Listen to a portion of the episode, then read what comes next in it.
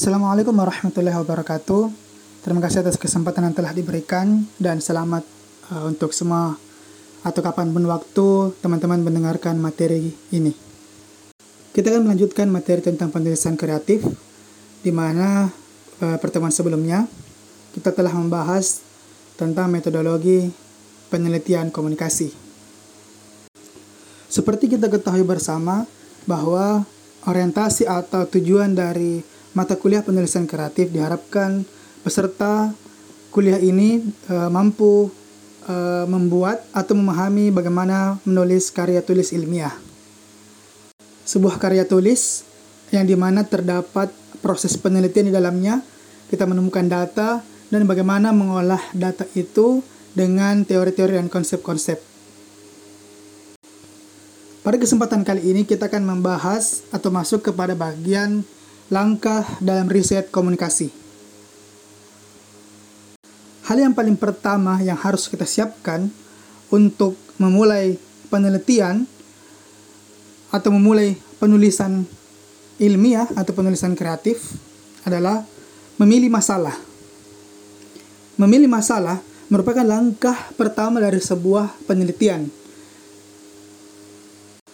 Masalah penelitian tidak serta-merta menjadi sebuah masalah atau realitas hadir tidak serta-merta menjadi bagian dari masalah. Untuk dapat menjadi masalah penelitian, setidaknya diperlukan beberapa syarat, yaitu pertama, masalah tersebut relatif baru. Jadi ada kebaruan yang uh, kita temukan, ada kebaruan hal yang uh, dirasa menarik untuk kita pertanyakan seperti itu. Kemudian yang kedua adalah aktual Aktual maksudnya adalah true event, betul-betul terjadi. Entah kita menjadi kita menjadi bagian dari uh, uh, peristiwa itu, masalah itu, atau kita menyaksikan atau kita pernah observasi sebelumnya. Kemudian praktis, setelah itu memadai, dan ini juga yang paling terpenting sesuai dengan kemampuan peneliti. Jadi jangan sampai uh, penelitian kita juga uh, memberatkan. Mungkin secara titik berat atau skala kualitas sangat bagus uh, bahkan menariklah secara uh, internasional. Tapi di saat yang sama juga memberatkan peneliti. Memberatkan peneliti seperti itu. Kemudian selanjutnya uh, syarat selanjutnya uh, untuk uh, masalah dikatakan layak untuk dijadikan bahan penelitian adalah tidak melanggar hukum negara. Kemudian yang ketujuh atau yang terakhir adalah adanya keterdukungan baik dana, waktu, dan biaya. Jadi memang uh, per sekarang itu banyak sekali uh, dana-dana hibah, dana-dana hibah yang sangat mendukung penelitian-penelitian. Jadi memang ada bahkan khusus kantor yang meminta atau memakai jasa research skill atau ini sekarang menjadi sebuah uh, profesi baru atau sebuah uh, skill baru atau disebut dengan research skill. Jadi ada beberapa perusahaan yang rela membayar untuk uh, riset dari perusahaannya. Bagaimana perusahaannya bisa lebih maju, bisa lebih berkembang, menemukan kekurangan dan kelebihan dan sebagainya seperti itu. Nah, set, nah setelah kita uh, menemukan masalah, ada hal yang dirasa menarik dipertanyakan, maka kita memulai dengan latar belakang. Seperti itu, kita memulai dengan latar belakang ya, atau studi pendahuluan.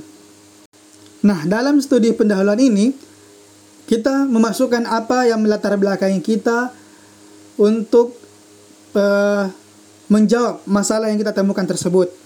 Kemudian pada bab studi pendahuluan ini kita juga mulai mengambil sampel-sampel kecil atau eh, fakta-fakta. Uh, entah fakta yang kita temukan atau fakta dari penelitian-penelitian sebelumnya atau data-data dari dokumentasi dan berita-berita. Setidaknya hal ini menggambarkan tentang apa yang akan kita teliti seperti itu. Jadi di latar belakang atau di studi pendahuluan ini semua dijelaskan. Apa yang melatar belakang kita kemudian apa fakta-faktanya dan kemudian bagaimana peluang kita untuk pelan-pelan uh, menjawab pertanyaan masalah tersebut. Nah, setelah latar belakang telah kita tulis yang terkait dengan uh, masalah apa yang kita pilih di awal tadi untuk uh, diteliti. Nah, kita kemudian membuat pertanyaan penelitian, di mana pertanyaan penelitian ini menjadi uh, koridor atau menjadi trigger kita dalam proses penelitian ke depannya, seperti itu. Nah, di sinilah muncul uh, muncul redaksi-redaksi yang uh, sifatnya atau kalimatnya kalimat tanda tanya seperti itu. Contohnya bagaimana pola komunikasi pegawai dan pegawai dan uh, penumpang di Bandara Soekarno Hatta misalnya atau bagaimana uh, bagaimana uh, pola komunikasi organisasi antara bos atau antara atasan dan pegawai di kantor pajak misalnya atau atau juga bisa bagaimana televisi mampu menjadi media komunikasi yang memberikan informasi kepada masyarakat kalangan menengah ke bawah. Nah, itu pertanyaan-pertanyaan seperti itu yang kemudian akan menjadi rumusan yang akan dipaparkan di jawaban, di jawaban atau di bab 56 penelitian. Setelah muncul pertanyaan penelitian, kita juga merumuskan tujuan penelitian ini, apa manfaat penelitian ini, dan apa yang akan diperoleh dari penelitian tersebut, dan seperti apa gambaran hasilnya.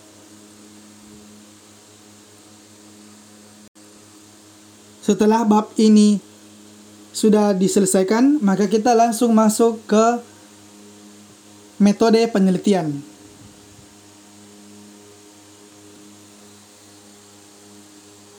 Dalam sebuah penelitian, maka diperlukan perangkat untuk menjalankan penelitian.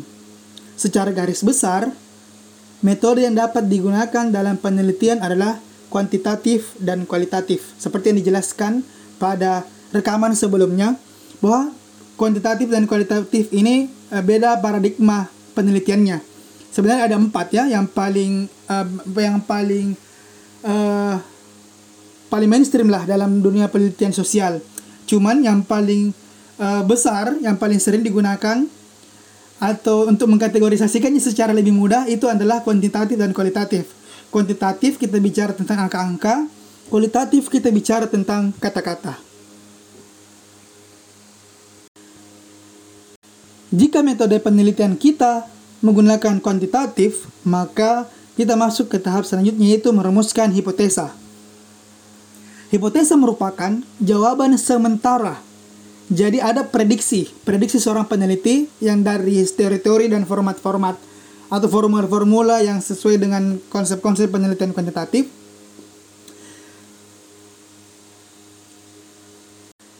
Jadi terdapat jawaban sementara yang hendak diuji kebenarannya. Jadi ini yang paling signifikan ya perbedaan antara penelitian kuantitatif dan kualitatif. Kalau kuantitatif itu kita sudah ada prediksi yang kemudian ingin kita uji kebenarannya. Di sini kita bisa lihat contohnya, contoh kalimatnya.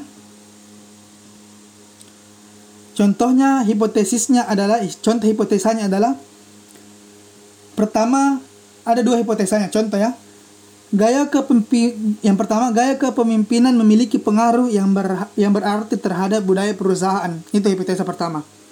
Hipotesa kedua, gaya kepemimpinan memiliki pengaruh yang kurang berarti terhadap budaya perusahaan. Nah, nanti hasil penelitian kita hanya akan menunjukkan dua poin ini. Apakah dia memberi pengaruh atau dia kurang memberi pengaruh, seperti itu. Kemudian, dalam merumuskan hipotesa dalam merumuskan hipotesa hal ini juga harus dapat diuji secara ilmiah. Diujinya atau dibuktikannya yaitu dengan eh, data-data yang konkret. Data-data yang konkret data-data yang memiliki satuan memiliki angka dan jelas Kemudian penelitian kuantitatif, kita juga harus menentukan variabelnya apa. Beberapa kategori dalam istilah variabel atau penelitian kuantitatif ada banyak, ada banyak sekali kategori variabel. Ada yang disebut dengan variabel bebas, variabel terikat, ada juga variabel intervening, dan semuanya sangat terkait dengan konteks penelitian kita. Variabel ini sebenarnya sangat penting ya untuk uh, penelitian kuantitatif karena uh, variabel ini yang kemudian uh, menspesifikkan dan juga membatasi peneliti terhadap subjek penelitian yang dia akan teliti seperti itu. Apalagi kalau penelitian kuantitatif ini sangat sangat dia akan dia akan bertemu dengan uh, objek penelitian atau data yang sangat banyak seperti itu.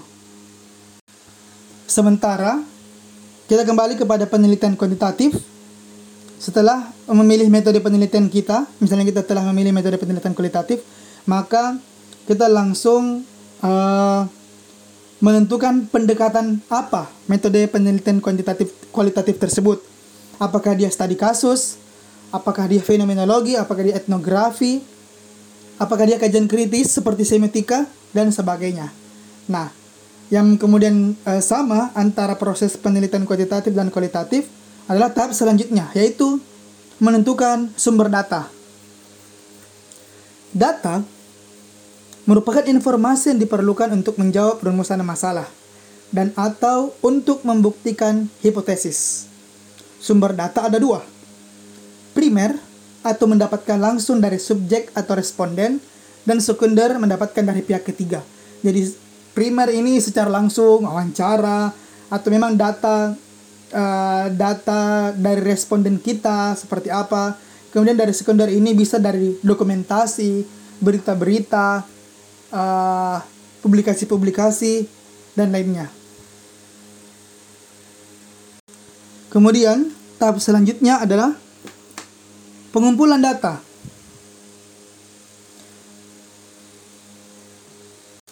Pengumpulan data bagi penelitian kuantitatif bisa dengan survei. Survei ini banyak sekali ya metodenya ya, banyak sekali cara dan kemasannya. Bisa kuesioner, bisa pendataan secara langsung. Sementara kalau uh, pengumpulan data dari kualitatif seperti yang dijelaskan tadi sebelumnya, yaitu secara wawancara, observasi langsung, dan studi kepustakaan. Setelah proses uh, sumber data dan data telah dikumpulkan, maka tahap selanjutnya adalah menganalisis data tersebut. Dalam metode kuantitatif, terdapat teknik analisis, teknik analisis data yang beragam dan tidak terlepas dari ilmu statistik.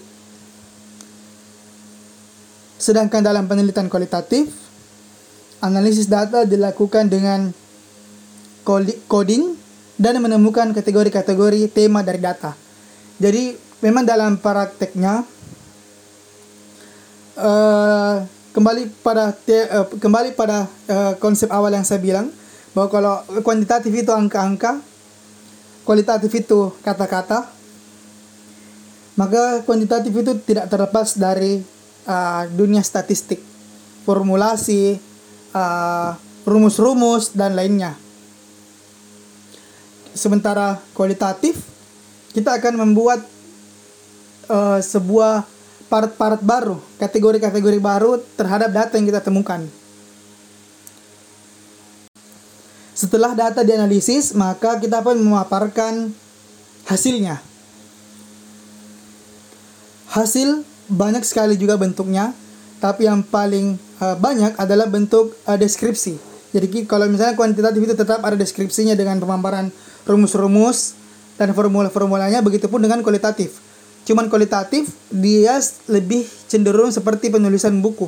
Jadi ada sub-sub bab yang kita tentukan sendiri kategorinya atau apa judul subbabnya dari uh, hasil pengamatan kita, hasil penelitian kita di lapangan dan data-data yang telah kita olah seperti itu.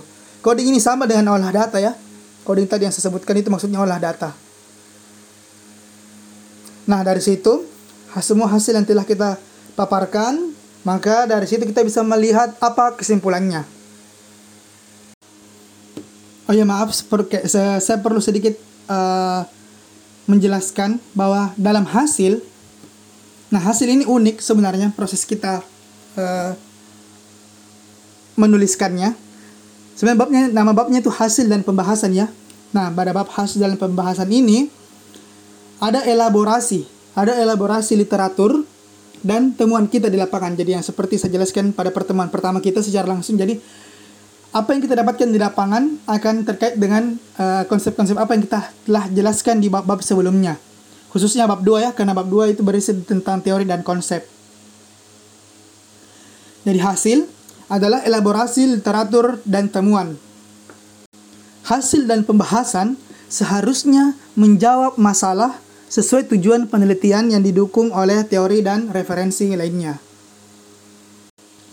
Di sana, kita kemudian melengkapi atau melampirkan wawancara-wawancara kita dengan informan kalau kita meneliti kualitatif. Begitupun dengan kuantitatif, harus ditambahkan data pendukung dan sumbernya.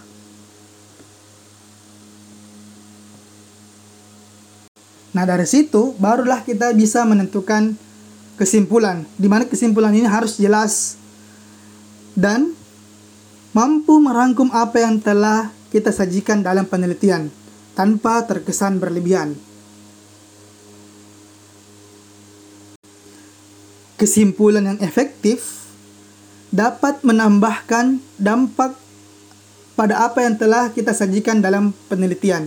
Jadi sangat disarankan sebenarnya dalam kesimpulan itu ada eh, implikasinya atau ada uh, efeknya dan kemudian kita punya saran untuk penelitian-penelitian selanjutnya atau pembaca penelitian kita. Jadi uh, itulah tadi bagaimana langkah dalam riset komunikasi. Sebenarnya masih banyak atau sebenarnya variasi ya. Bervariasi eh, langkah-langkah dalam riset komunikasi. Cuman ini salah satu gambaran yang paling lazim terkait uh, sistematika penulisan dalam riset komunikasi. Jadi banyak sekali sebenarnya uh, sumber-sumber lain juga yang, yang mungkin punya gambaran beda atau punya susunan beda terkait sumber sumber-sumber juga yang berbeda seperti itu.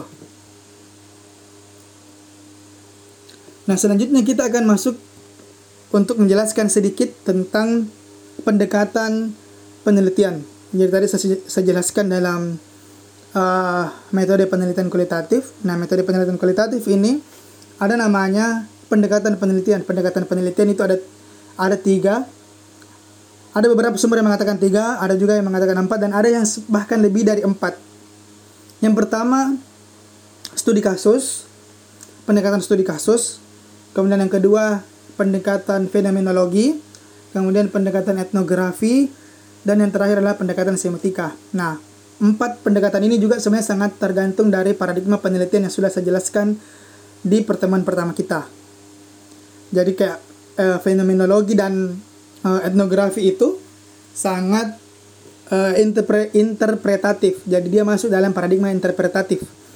Kan ada empat paradigma, kualit uh, ada paradigma positivistik, ada konstruktivis, ada interpretatif dan kritis.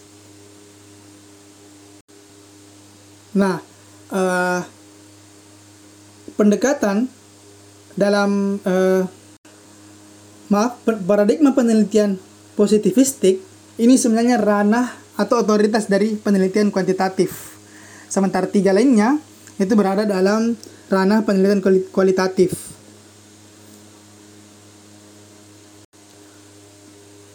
Dan pendekatan studi kasus merupakan bagian dari paradigma konstruktivis. Saya ulang. Positivistik merupakan bagian dari penelitian kuantitatif. Paradigma konstruktivis, interpretatif, dan kritis merupakan bagian dari penelitian kualitatif. Pendekatan pendekatan penelitian dalam penelitian kualitatif ada tiga. Yang, per, yang per, ada empat. Yang pertama studi kasus. Studi kasus ini masuk dalam paradigma konstruktivis. Kemudian yang kedua ada fenomenologi, yang ketiga etnografi, kedua dan tiga ini masuk dalam paradigma uh, interpretatif, dan yang terakhir adalah semiotika yang masuk dalam paradigma kritis.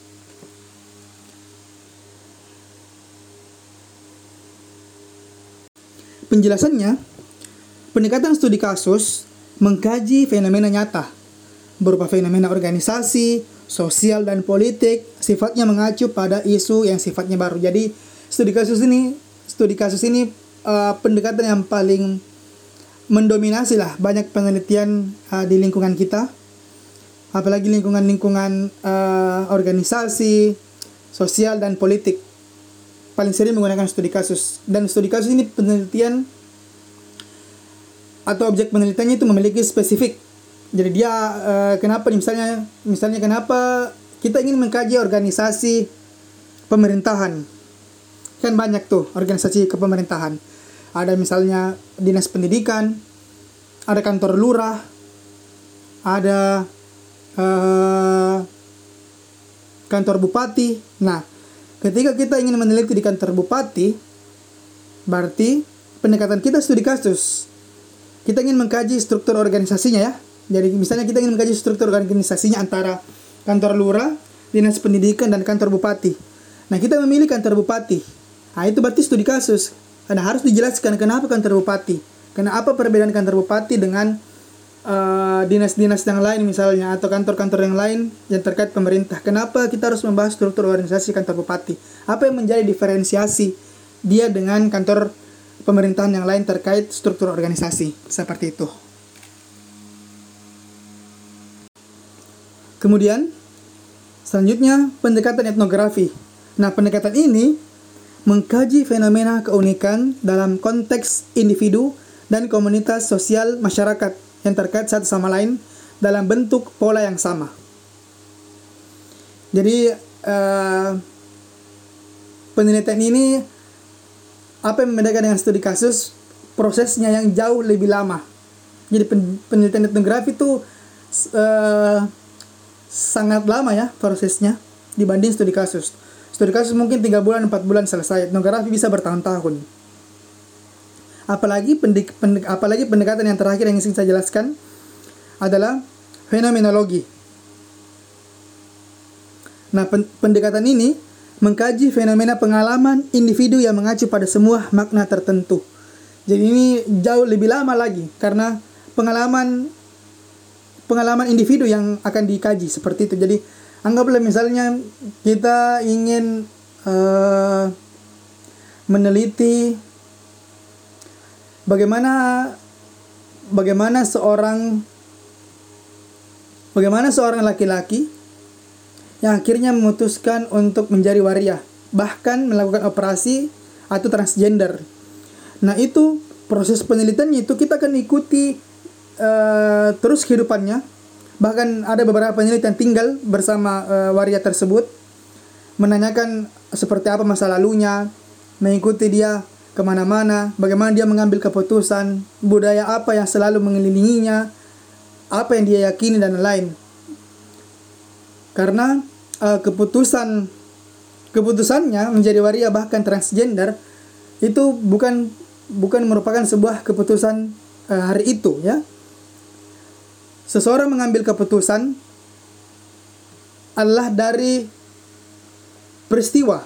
Seseorang mengambil keputusan adalah dari peristiwa semua hal yang dia lewati dari lahir sampai sekarang, masalah-masalah yang dia dapatkan, bagaimana dia menyelesaikannya, bagaimana uh, dia mendapatkan kebaikan, bagaimana sekelilingnya, bagaimana teman-temannya, bagaimana keluarganya, itu semua sangat mempengaruhi keputusan apa yang kita ambil hari ini. Jadi itu yang ingin dikaji oleh pendekatan fenomenologi. Dan ini jauh lebih lama. Apalagi kalau misalnya uh, orangnya ini sangat menarik ya, subjek penelit objek penelitiannya sangat menarik, maka ada orang yang sangat berdedikasi bahkan sampai uh, lima tahun, lima tahun meneliti. Seperti uh, penelitian dari kaprodi kita, Kasrul, Kasrul Nur Iman, yang meneliti tentang bisu. Nah, beliau meneliti ham, kurang lebih empat tahun. Beliau meneliti empat tahun dan sudah mengelilingi semua penyebaran bisu di Sulawesi Selatan. Ada di Wajo, ada di eh, Pangkep dan lainnya seperti itu. Jadi dia mengelilingi, dia bahkan memetakan, dia bahkan bikin mind map penyebaran bisu di Sulawesi Selatan dan betul-betul itu sangat dedikatif untuk penelitian fenomenologi.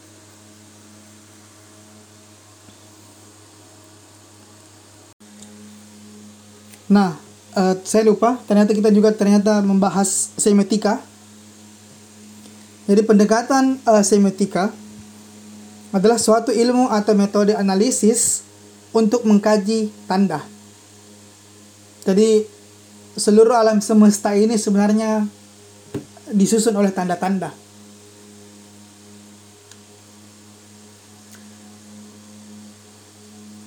Di sini dijelaskan tanda-tanda adalah perangkat yang kita pakai dalam upaya berusaha mencari jalan di dunia ini di tengah-tengah manusia dan bersama-sama manusia. Semiotika atau dalam istilah Bartes, Bartes ini salah satu tokoh semiotika. Ketika bicara semiotika kita tidak bisa terlepas dari tokoh-tokohnya. Istilah uh, dalam istilah Bartes pada dasarnya semiotika adalah ingin mempelajari bagaimana kemanusiaan memaknai hal-hal.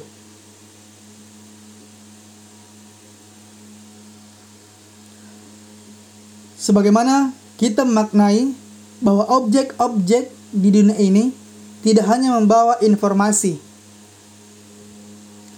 tetapi juga objek-objek tersebut ingin berkomunikasi tetapi juga mengkonstitusi sistem terstruktur dari tanda.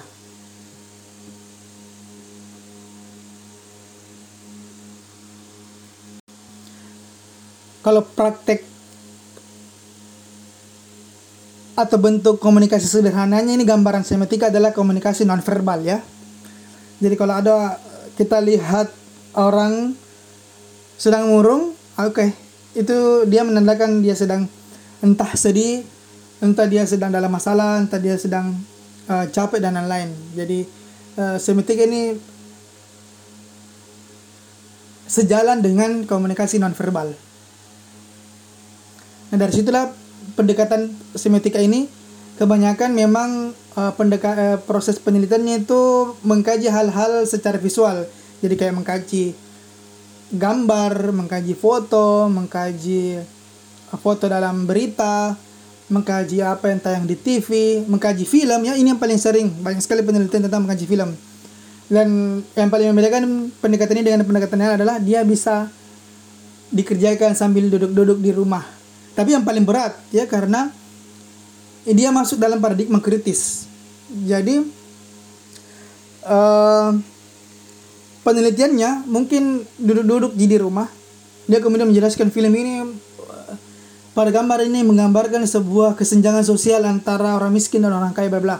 Tapi dia harus punya sumber yang kuat dan banyak ini tanda kutip ya, yang dan banyak sesuai dengan ditambah penelitian-penelitian sebelumnya yang membuktikan bahwa memang ada e, ketika gambar dari dalam di dalam sebuah film atau di sebuah foto yang berbentuk seperti ini merupakan bagian dari kesenjangan sosial seperti jadi kayak e, tidak serta merta dimudahkan kita untuk subjektif menilai sebuah gambar sesuai perasaan kita dan pengalaman kita, tapi harus juga didukung dengan teori-teori, konsep-konsep atau referensi yang uh, yang kuat seperti itu. Paradigma kritis, jadi memang kita dituntut kritis meskipun subjektif, tapi didukungnya itu dari sumber-sumber yang kita punya.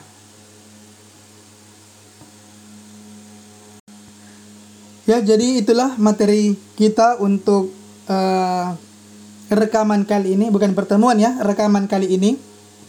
Semoga bermanfaat untuk mahasiswa semua. Uh, mohon maaf jika ada salah kata dari saya. Sedikit pengumuman bagi para mahasiswa yang mendengarkan uh, materi ini.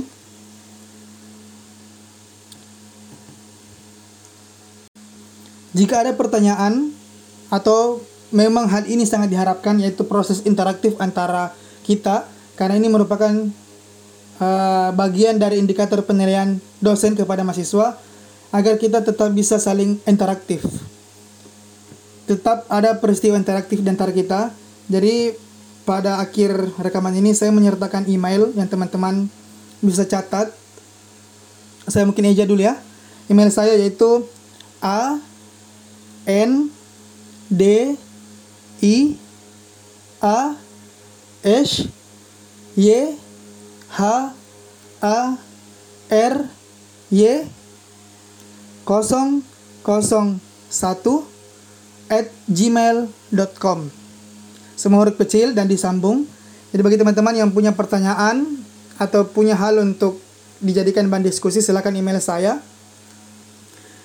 Nanti dari situ kita akan jauh lebih uh, menghidupkan proses-proses diskusi dan juga mungkin menjadi bahan evaluasi uh, bagi saya pribadi terkait proses perkuliahan kita. Jadi uh, saya sangat mengharapkan uh, interaktif ini bisa dihidupkan teman-teman untuk uh, demi berjalannya proses perkuliahan kita yang lebih efektif. Dan saya tunggu semua pertanyaan-pertanyaannya di email juga bahan-bahan diskusinya. Uh, saya ucapkan terima kasih atas kesempatan yang telah diberikan. Saya akhiri sampai ketemu di pertemuan selanjutnya atau rekaman selanjutnya. Assalamualaikum warahmatullahi wabarakatuh.